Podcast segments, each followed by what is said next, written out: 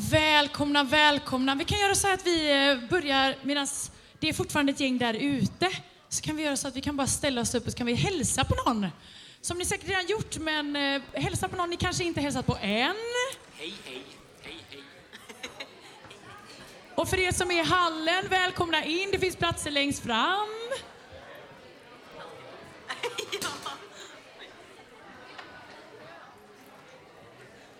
Fantastiskt! Heja!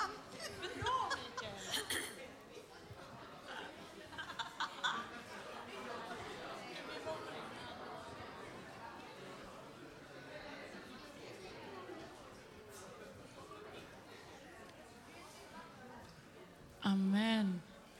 Fint.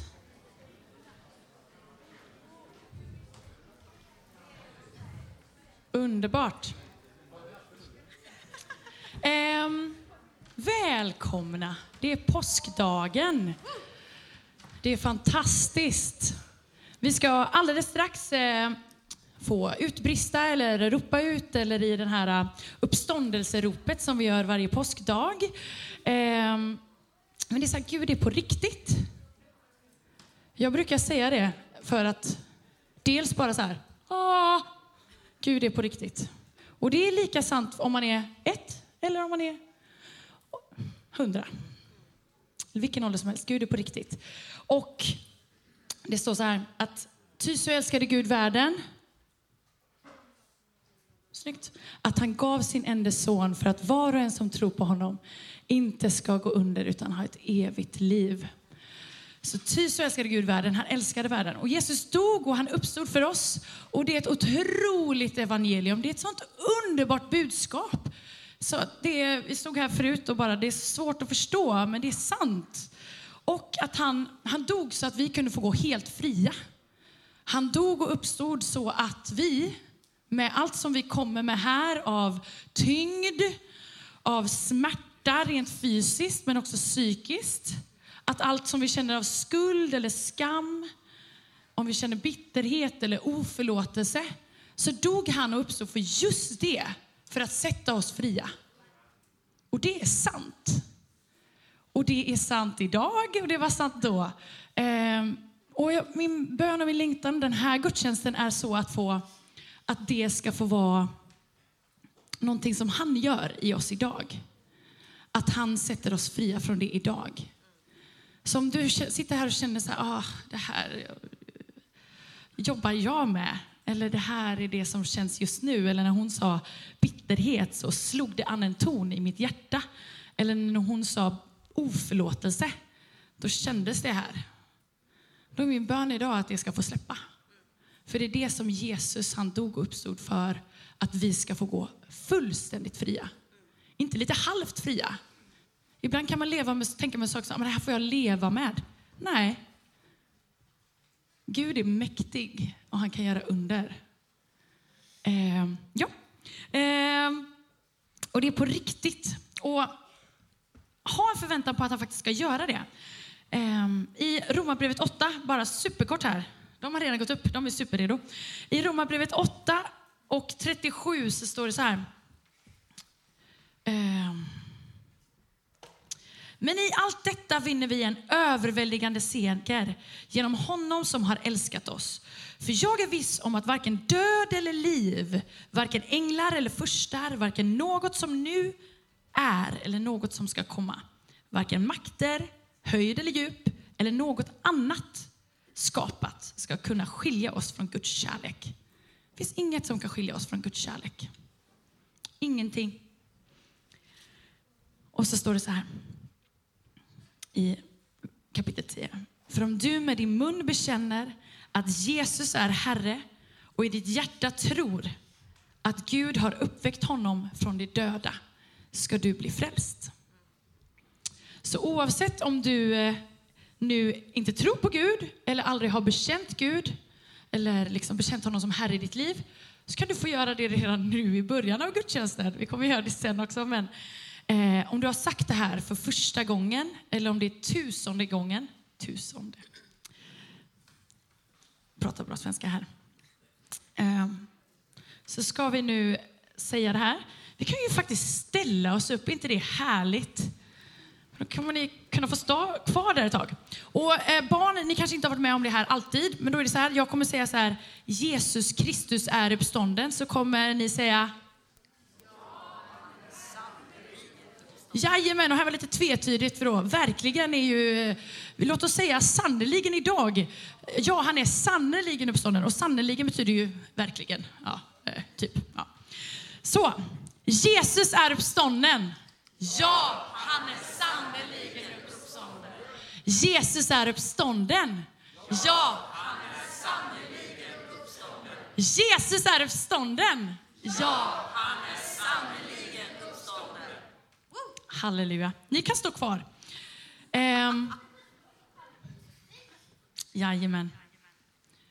Och nu kommer vi ta en stund i eh, lovsång och tillbedjan och vi kommer sjunga till hans ära för han är värdig.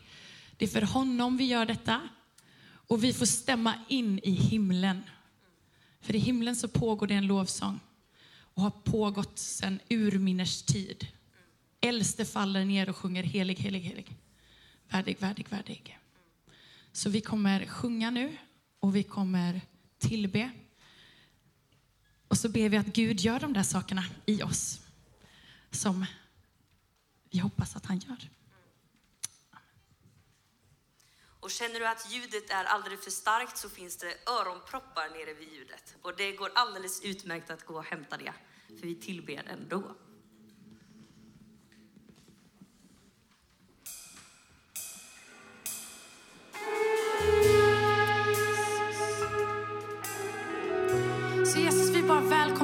Här gudstjänsten.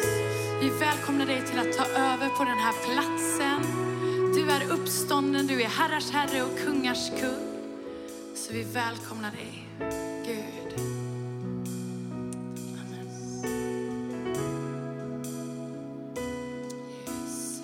Det är din nåd.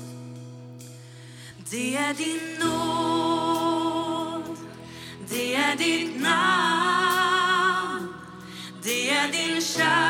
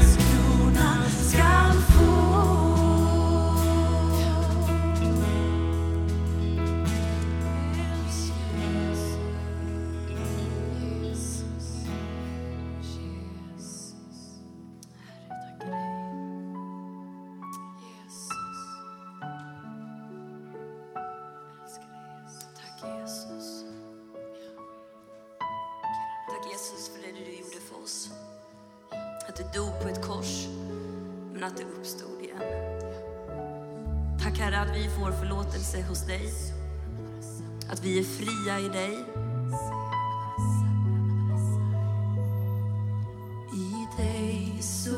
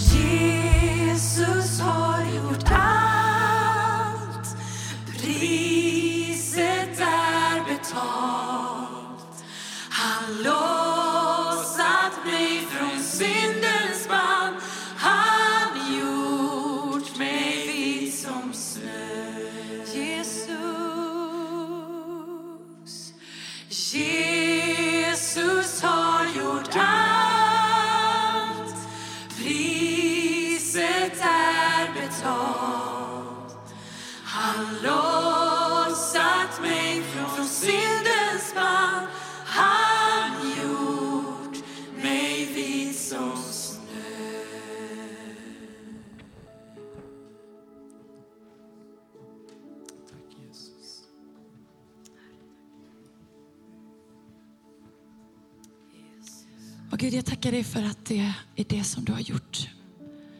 Att du har dött och uppstått för, för var och en av oss. Så att vi kan få ha liv, liv i evighet. Att du har satt oss helt fria. Att du har tvättat oss vit som snö. Du som var helt obefläckad. Vill göra samma sak med oss.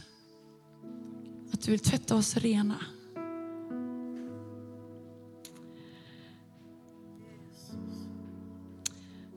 Vi ska be lite nu. Vi har fått in lite böneämnen. Men är det någon i rummet som har något böneämne så kan vi lyfta det så här också. För att vi är en familj. Ja, Thomas? Ja. Ja. Thomas sa att vi ska be för familjer i Sverige att ska få erfara Guds kärlek. Att be för familjerna.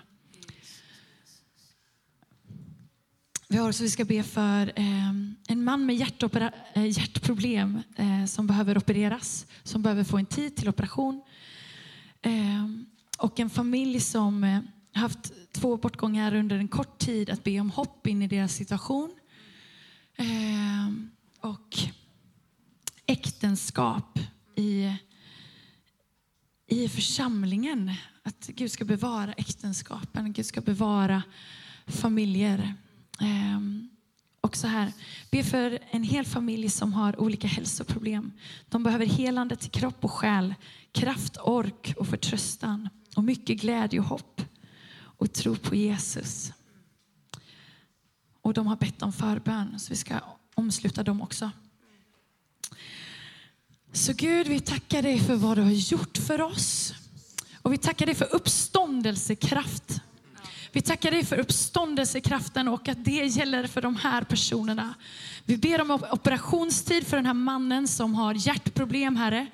Jesus, vi proklamerar blodet över honom. Vi ber att han ska bli helad och läkt, men vi ber också om en operationstid, Herre.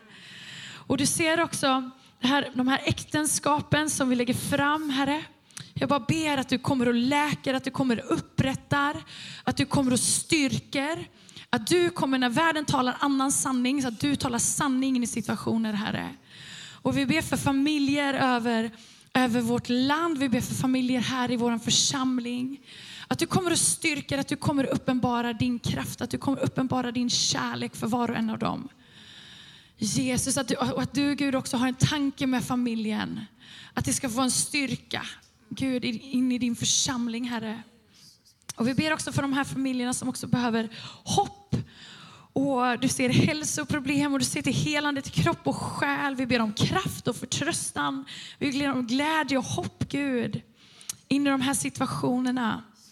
Och vi ber också för vår församling här. Om du också är med här från en annan församling så ber vi också för dem, Herre.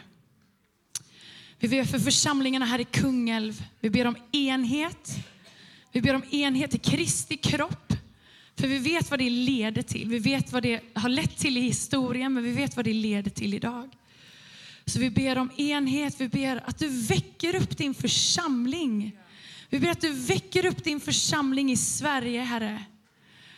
Ja, Jesus, vi ber att den här dagen, eh, i tecken av din uppståndelse också, att det får vara ett uppvaknande för oss. För oss var och en, men också för vår församling. Och ber för Sverige. Tack för att du är det enda hoppet för Sverige. Vi ber för makthavare. Vi ber för folk som styr och leder vårt land. Vi välsignar dem. Vi välsignar dem och vi ber för dem.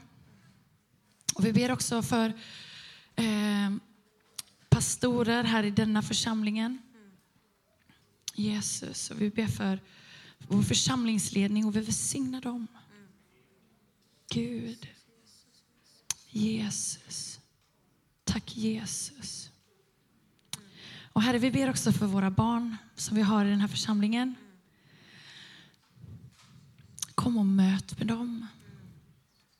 Så vi ber att nu när de ska gå ner till eh, deras gudstjänst, att du faktiskt kommer och möter med dem. Vi längtar att få se våra barn i den här församlingen fyllda med hopp och glädje och fyllda med en Kristusdoft. Gud, för att du väcker upp barnen. Jesus. Amen. Amen. Och det är alltid så, det, det är ingen kontrast. Det är fyllt med glädje. Bön är fylld med glädje. För det Gud har uppstått. Hurra, hurra. Han lever, han lever. Um, nu ska barnen få gå ner till... Uh, men vi kan göra så här, vi ställer oss upp och när barnen går ner till uh, sin söndagskyrka, oh, jag säger alltid fel, barnkyrka, så kan vi välsigna dem och lovsjunga den här sången samtidigt. Rebecka, visa. Amen.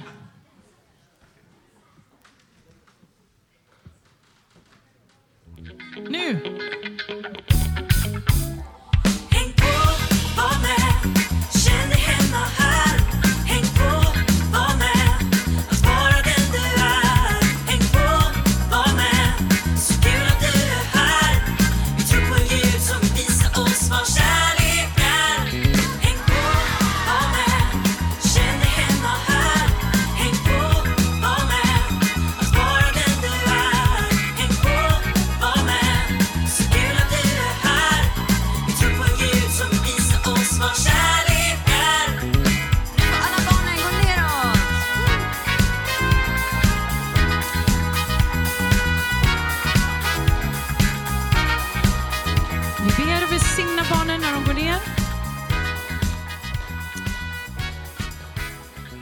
Och ska lämna över till vår ordförande Magnus Svensson.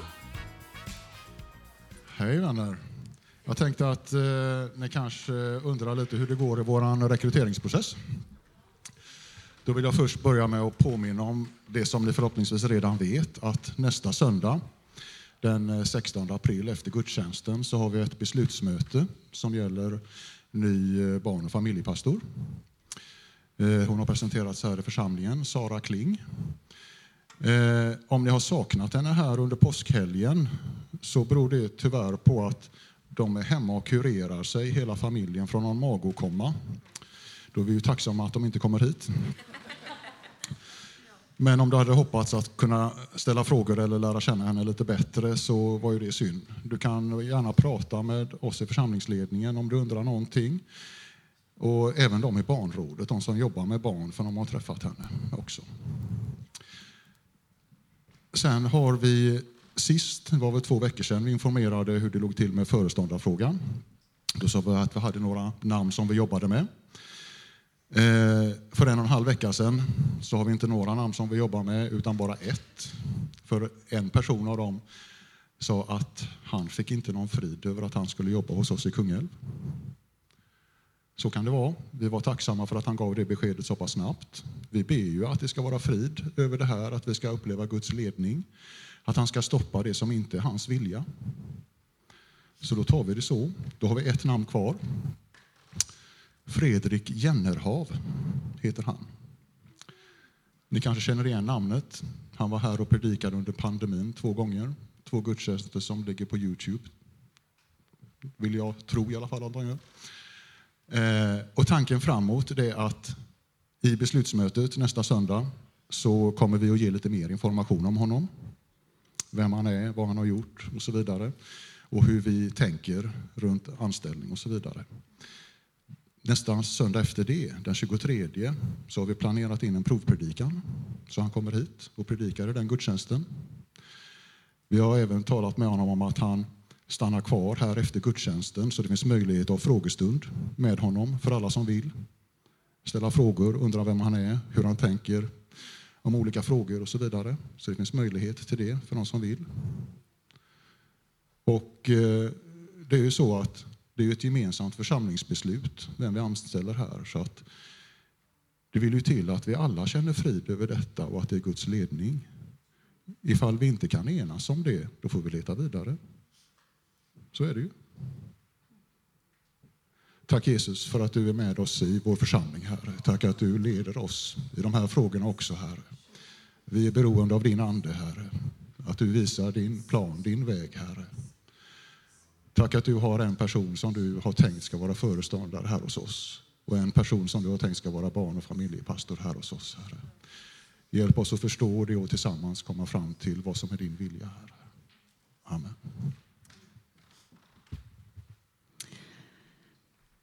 Underbart. Tack Magnus. I femte Mosebok 8 så står det så här.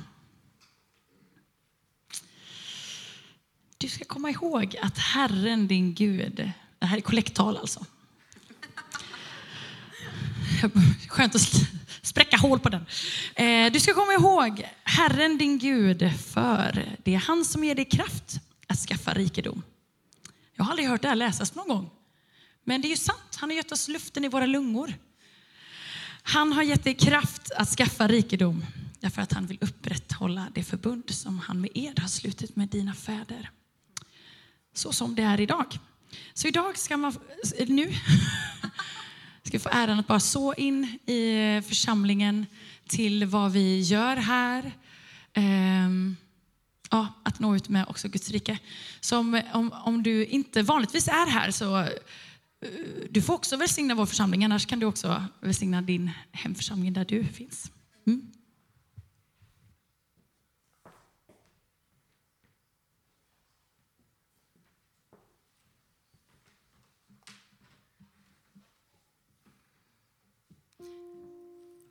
Förlåt. Man kan ge via någon swish och sen så kommer värdarna att gå runt också med boxar.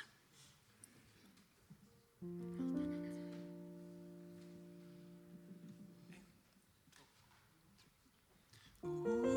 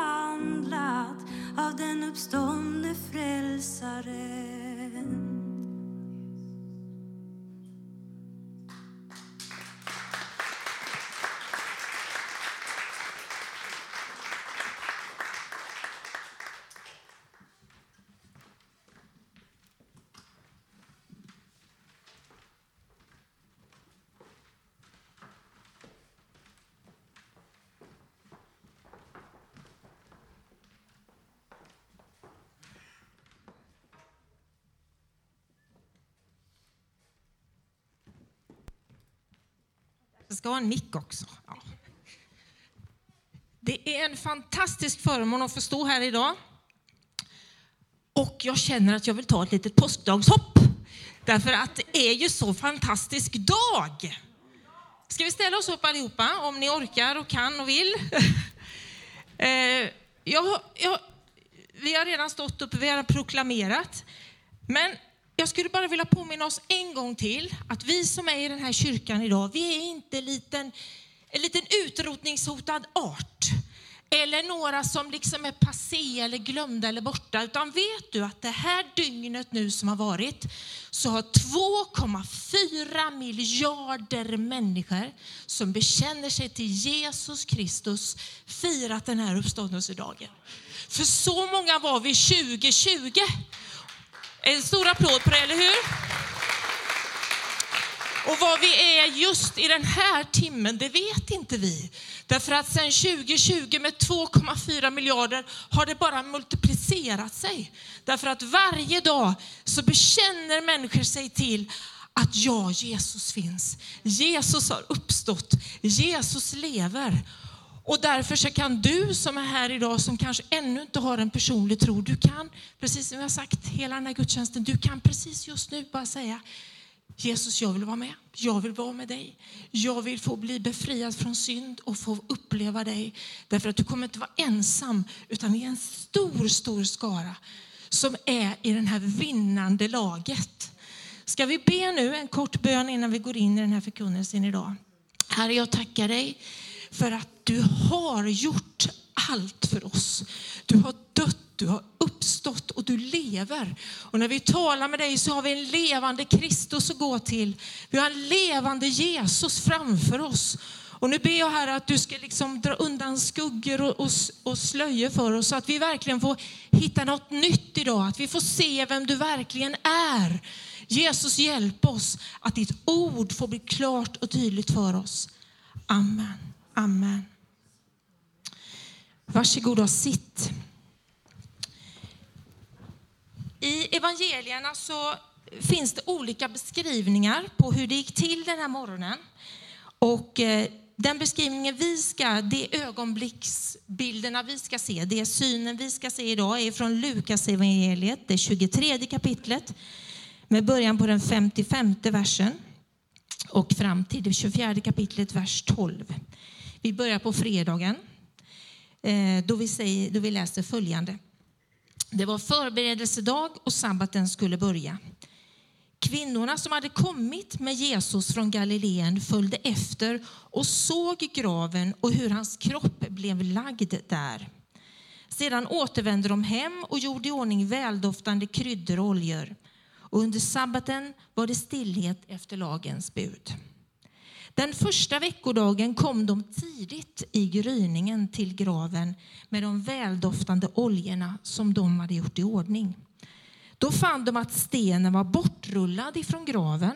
De gick in, men de fann inte Herren Jesu kropp. När de inte visste vad de skulle tro, då stod plötsligt två män i skinande kläder framför dem. Kvinnorna blev rädda och böjde ansiktet mot marken, men männen sa varför söker ni den levande bland de döda? Han är inte här. Han har uppstått.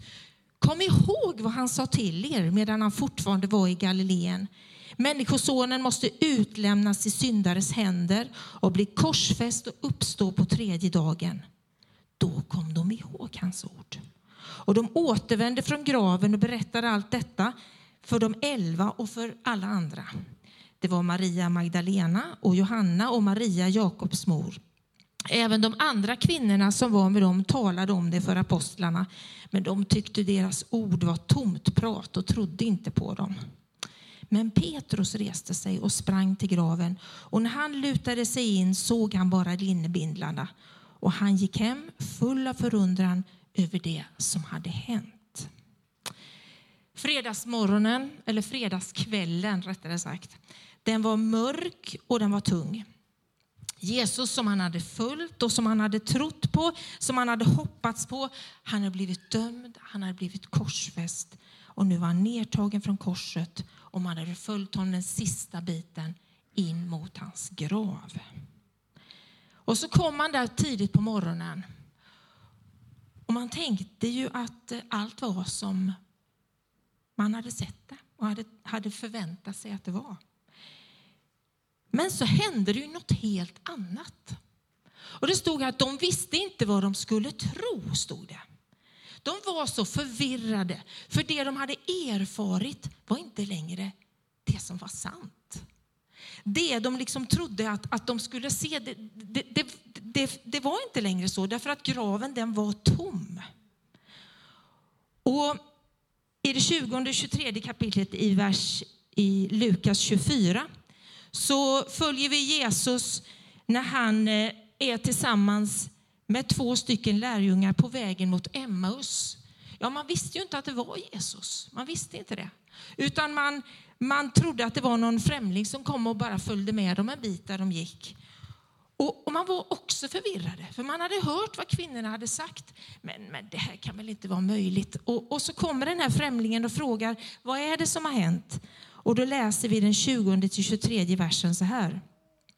Våra överstepräster och rådsherrar utlämnade honom till en dödsdom och korsfäste honom. Men vi hade ju hoppats att Jesus var den som skulle frälsa Israel. Förutom allt detta är det nu tredje dagen sedan det hänt och dessutom har några kvinnor bland oss gjort oss uppskakade. De gick ju tidigt till graven nu på morgonen. Men de fann inte hans kropp. De kom och berättade att de hade sett en syn med änglar och sa att han lever. De är förvirrade. Kvinnorna vid graven är förvirrade. Därför att det är ju inte som man hade trott att det skulle vara.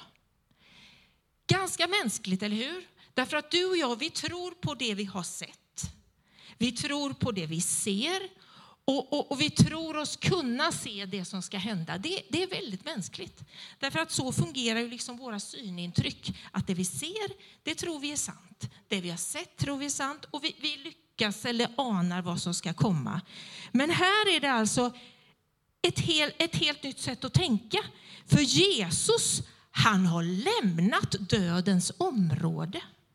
Han har lämnat de här mänskliga begränsningarna och, och för honom finns det inget då. Det finns bara ett nu. I Lukas 24 så läste vi om änglarna.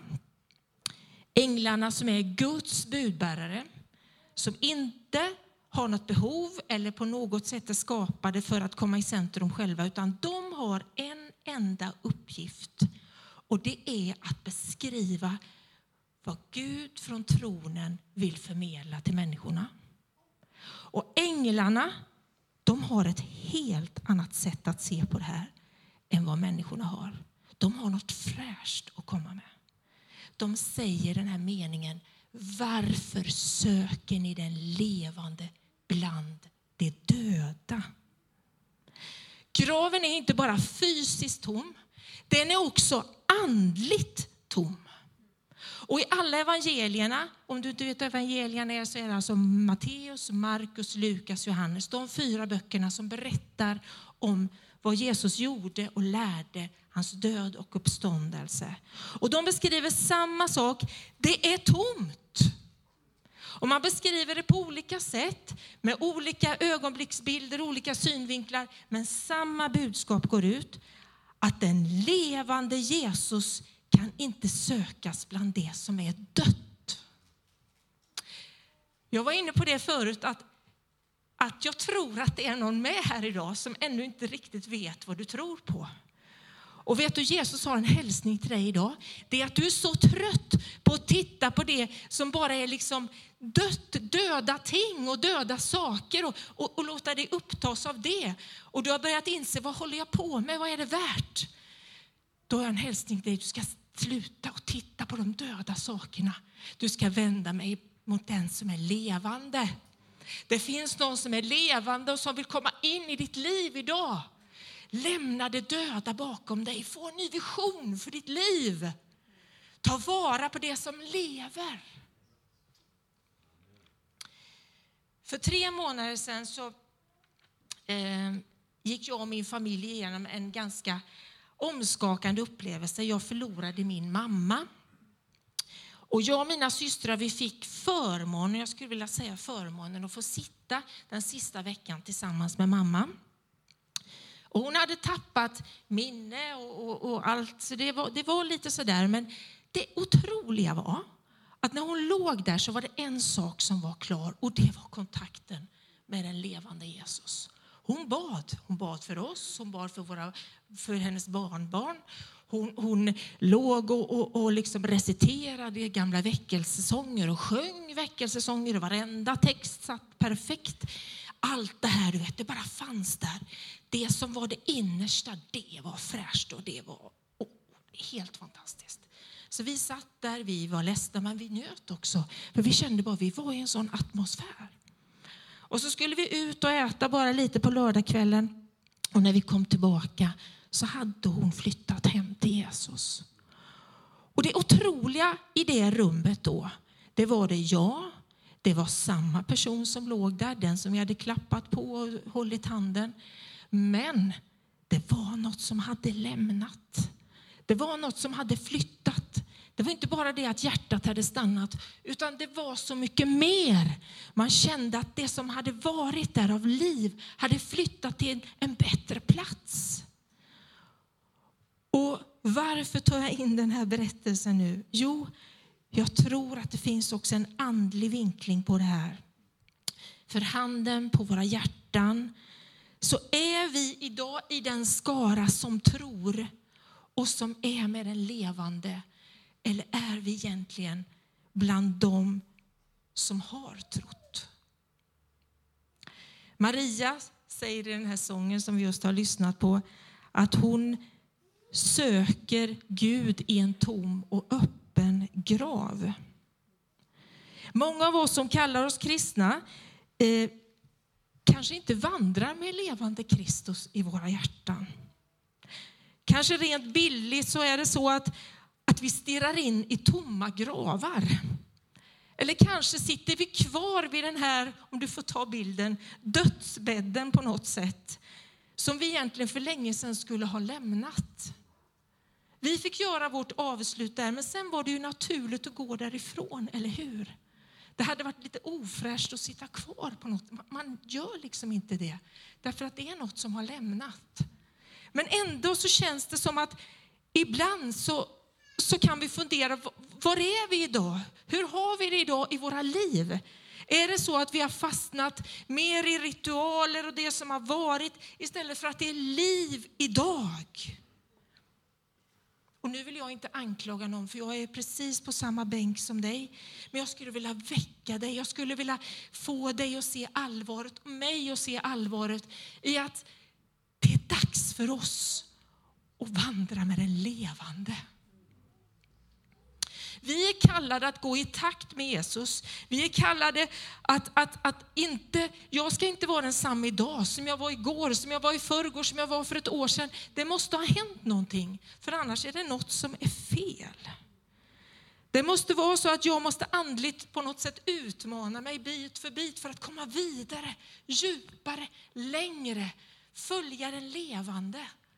Så att jag inte sitter där och det bara ekar liksom, av min egen röst.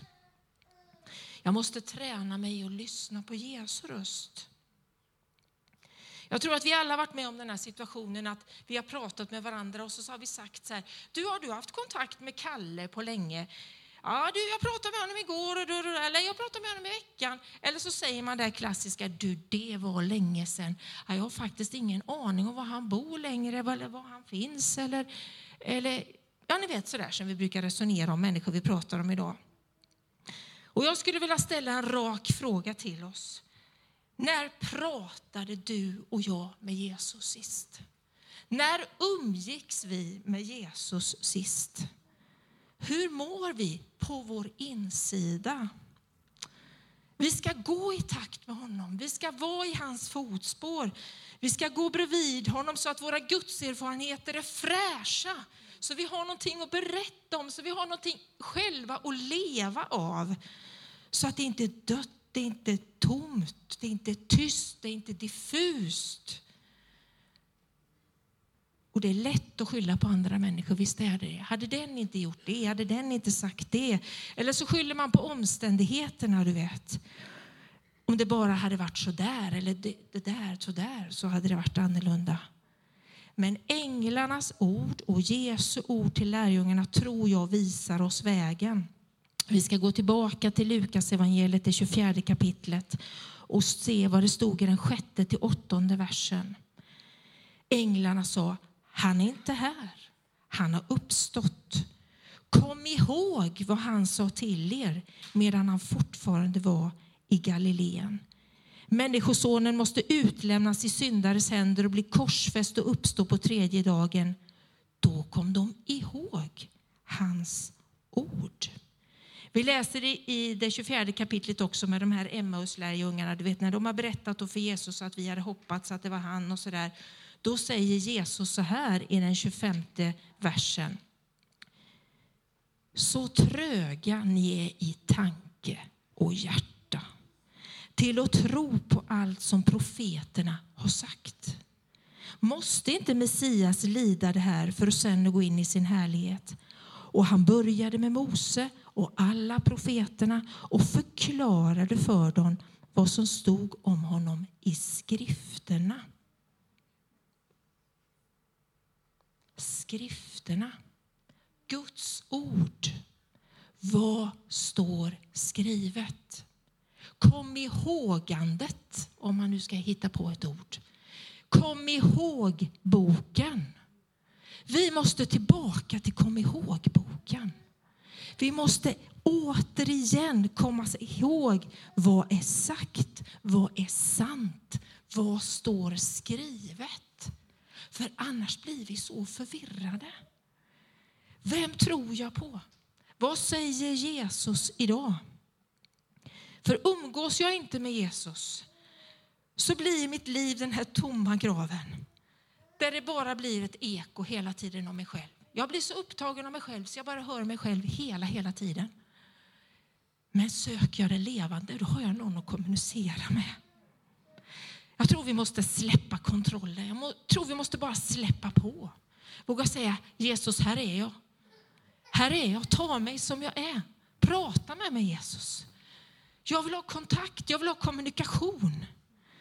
För utan den här kommunikationen, utan bibelkunskapen, så kan vi lätt dra oss in i feltolkningar. Vår tro blir urvattnad, den blir instabil, det blir ingen näring, det blir ingen tillväxt. Och då så börjar vi komma lite farligt ute. Jag jobbar ju på en förskola och varje år så runt påsk så berättar vi ju berättelsen om Jesus och vad han gjorde och så. Och vi har förmånen att få berätta vad Bibeln är i olika situationer. Och för några år sedan så var det en kille vid påsk som kom till mig och sa så här, Marilus, jag förstår, jag fattar inte varför åt Jesus så mycket wienerbröd? Eh, ja, jag gode Gud, vad har jag sagt? Tänkte Wienerbröd, nu ska vi säga vin, Förlåt. vi? Hur är det? Ja, men ni säger ju hela tiden det att han åt wienerbröd och wienerbröd. Tills jag insåg vin och bröd. Ah, du tänker på det, så jag, att Jesus... Alltså, vet ni, det är ju så lätt att feltolka, eh? eller hur? Det är ju det. Och så tänker man, ja, men du tror att jag vet vad det här handlar om och så kan man hamna i wienerbrödsfällan istället.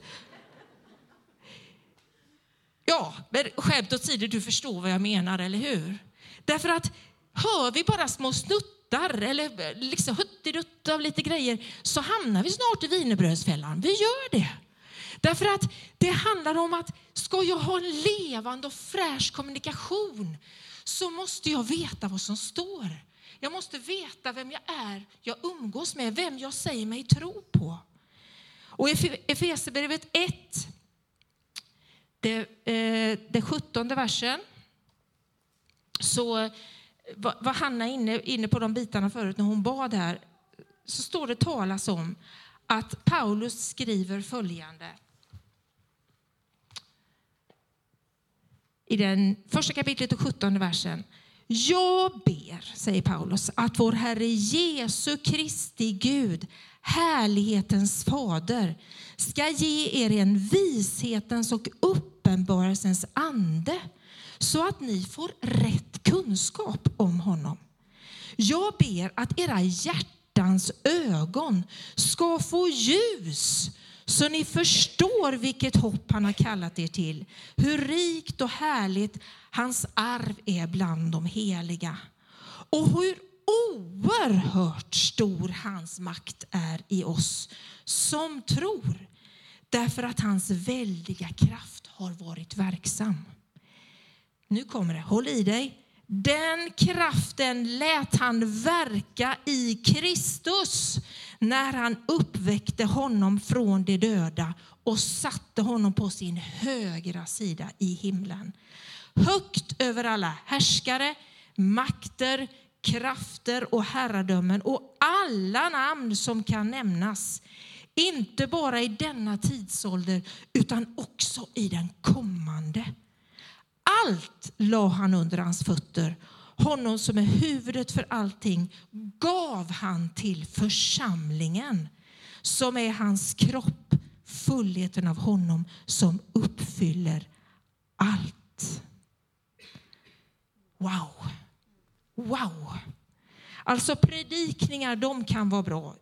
Men det viktigaste det är att du och jag ska hitta det vi är ämnade och utrustade och kallade till. Och vad är det? Jo, att vi ska få vishet och uppenbarelse om vem Gud är. Vad han har gjort, vad han kan göra i våra liv och i andra människors liv. Och när vi står där och tycker att det är så mörkt och det är så hopplöst så vill Gud komma till dig och bara tala in i ditt liv. Kom ihåg vem jag är, vad jag kan göra. Det är inte för sent, som vi hörde i den här sången förut med Maria. Det är inte över än. Tro inte att det här är slutet för dig. Jag har någonting som jag har planerat och jag vill ge dig vishet och uppenbarelse så du ser det. Så du orkar hålla ut, så du orkar stå kvar, så du orkar se vem jag är.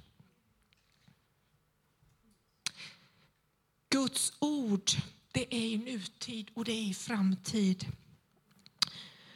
Och jag tänker att de här orden, du vet det står att samma kraft som behövdes för att uppväcka Jesus finns i oss.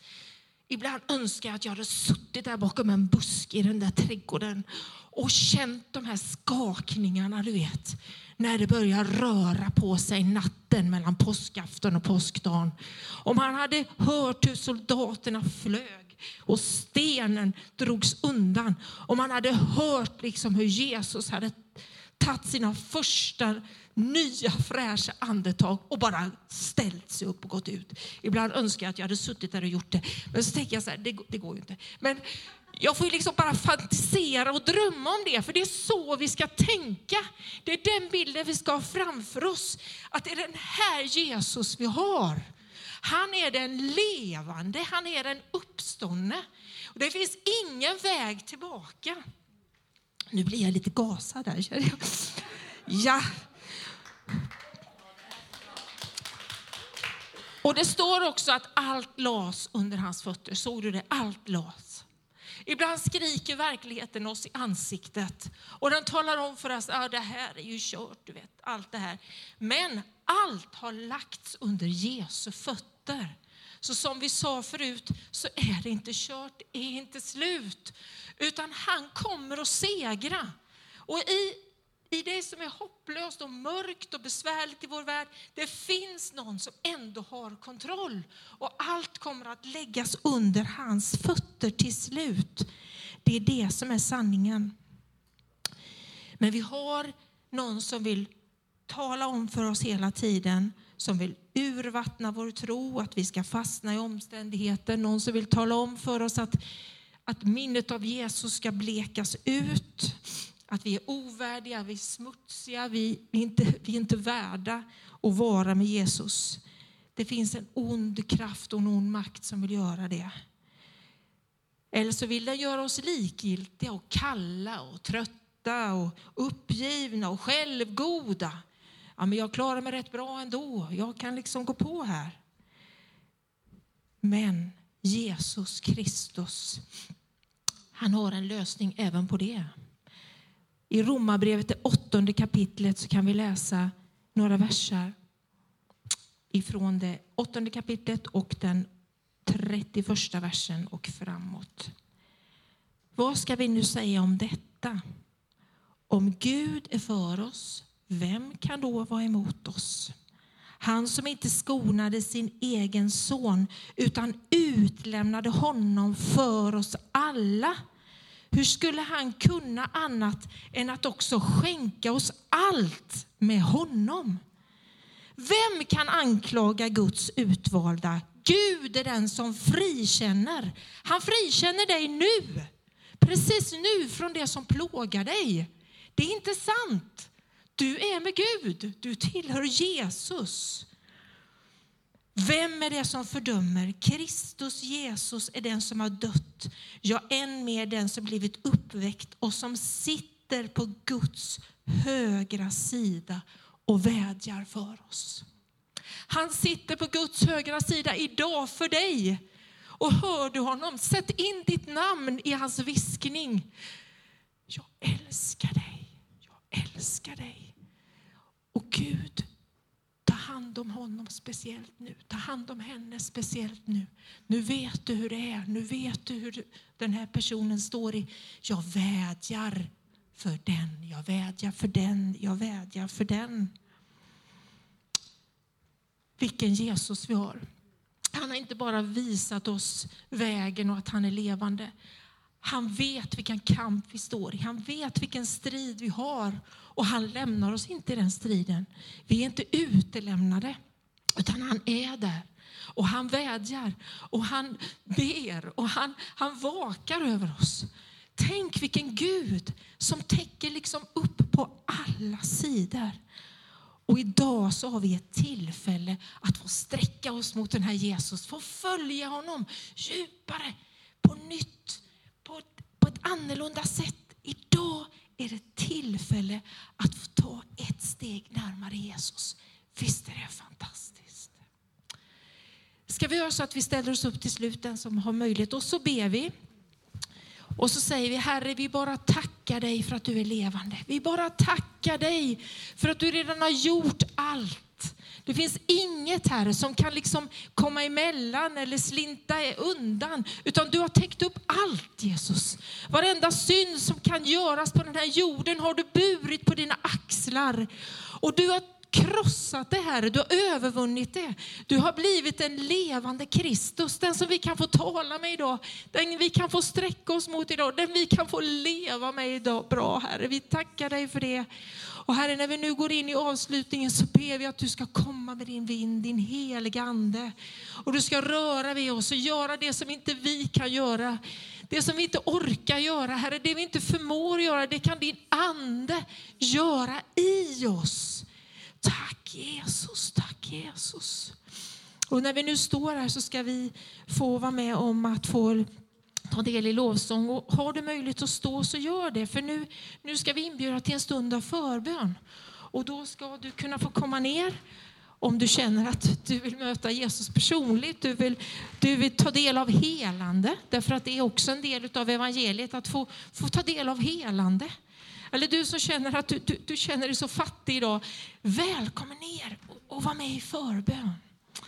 Och eh, vill du sitta så gör det, men vill du vara med och stå så är det lättare för den som vill vara med i bönen.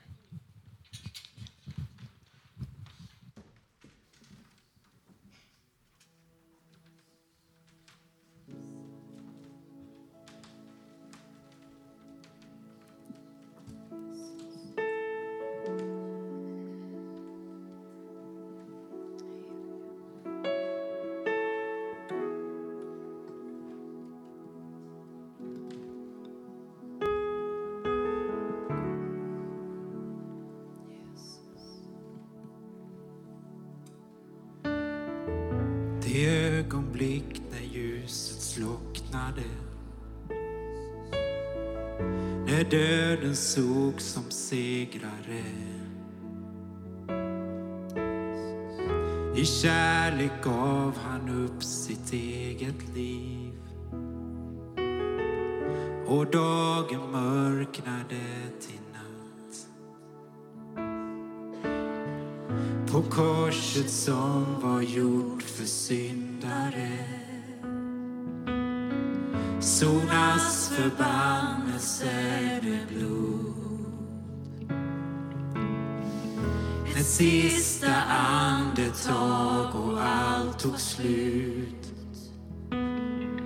Men inte som vi kunnat tro för då skakade vår jord. För då drevs vi tur.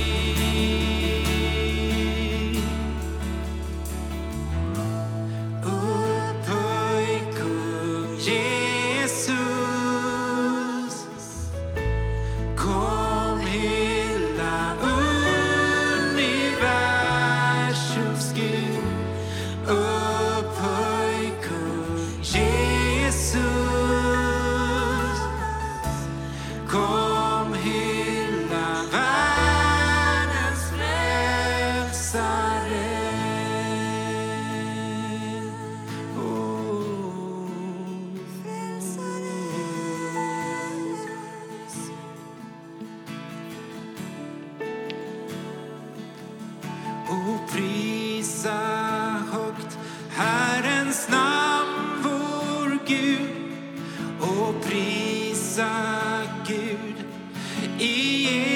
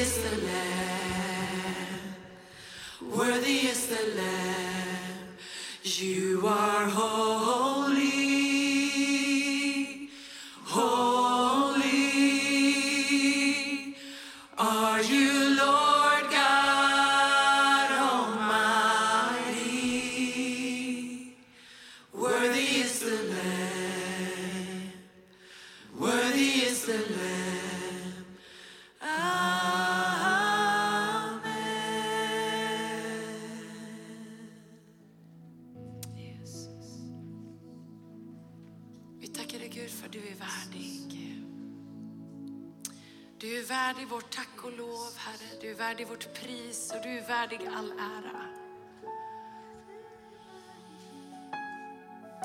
Tack för att vi får komma nära. Tack för att du inbjuder oss till en nära relation till dig. Helig, heliga du. Jesus. Och jag tackar dig för den nåd nåd som du har med oss. Jag tackar dig för den nåd som du ger. Och du fyller oss med så mycket hopp. Fyller oss med så mycket hopp. För du är god och du är en kärleksfull Gud. Du är så god. Tack Gud för din glädje som vi får känna i dig Herre. Ja, tack Gud.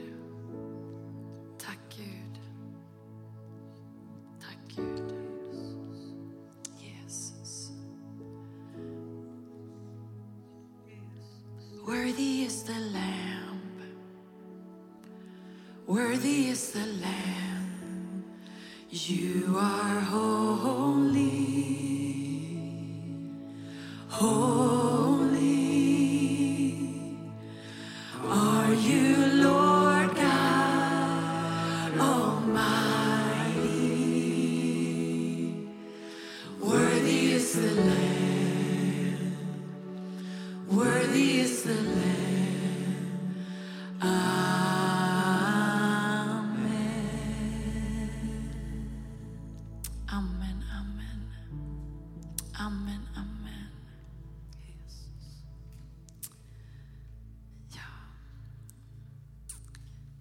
Guds närvaro är underbar. Den är underbar. Oj, oj, oj. Vi kommer göra det här för evigt. För er som ville sjunga vidare.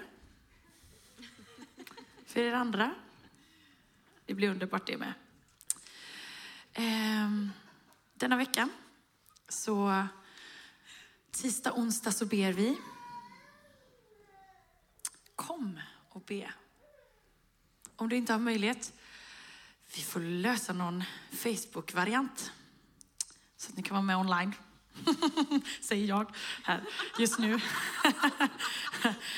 Ehm, på onsdag och på fredag eh, kan man ha koll i chatten för Bara Vara. Ni som är unga, känner er superunga. Om man vill hjälpa till kan man också komma till Rebecka. Hon älskar när folk vill hjälpa till. Um, om ni undrar om någon mer information, kom till mig sen. Och Magnus har också lite datum där. Den, den 22 april också, den, klockan 15, så kommer Youngsters hit. Och det är ett underbart gäng. De är så Jesus... Eh, de sprider Jesus så underbart för barnen. Så klockan 15 den 22 april kommer Youngsters. Då är det tacos här. Och eh, de kommer spela mycket och leda kidsen inför tronen. Och det är för alla familjer. Underbart Rebecka, Ja. tack. Tack för det. Ja, det var all information jag hade. Eh, ja, alldeles strax ska vi få gå och tjäna Herren med glädje. Det gör vi ju ständigt. Men för er som orkar eh, stå vidare så tänkte vi att vi, för Herren är uppstånden. Och det är underbart, som min pappa brukar säga. Eh, så vi kommer avsluta på en eh, sån här... Eh, nu kommer hälften av er inte höra mig, men glädjefullt. Så vi kommer proklamera att Jesus är uppstånden.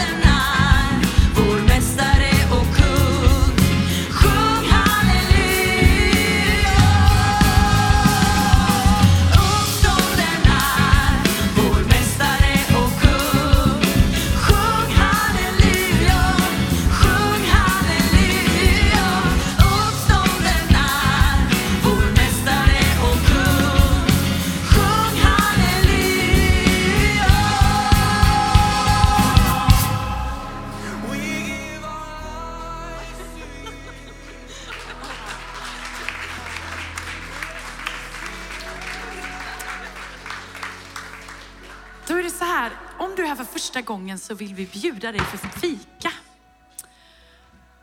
Så nu kan vi gå och tjäna Herren med glädje. Amen.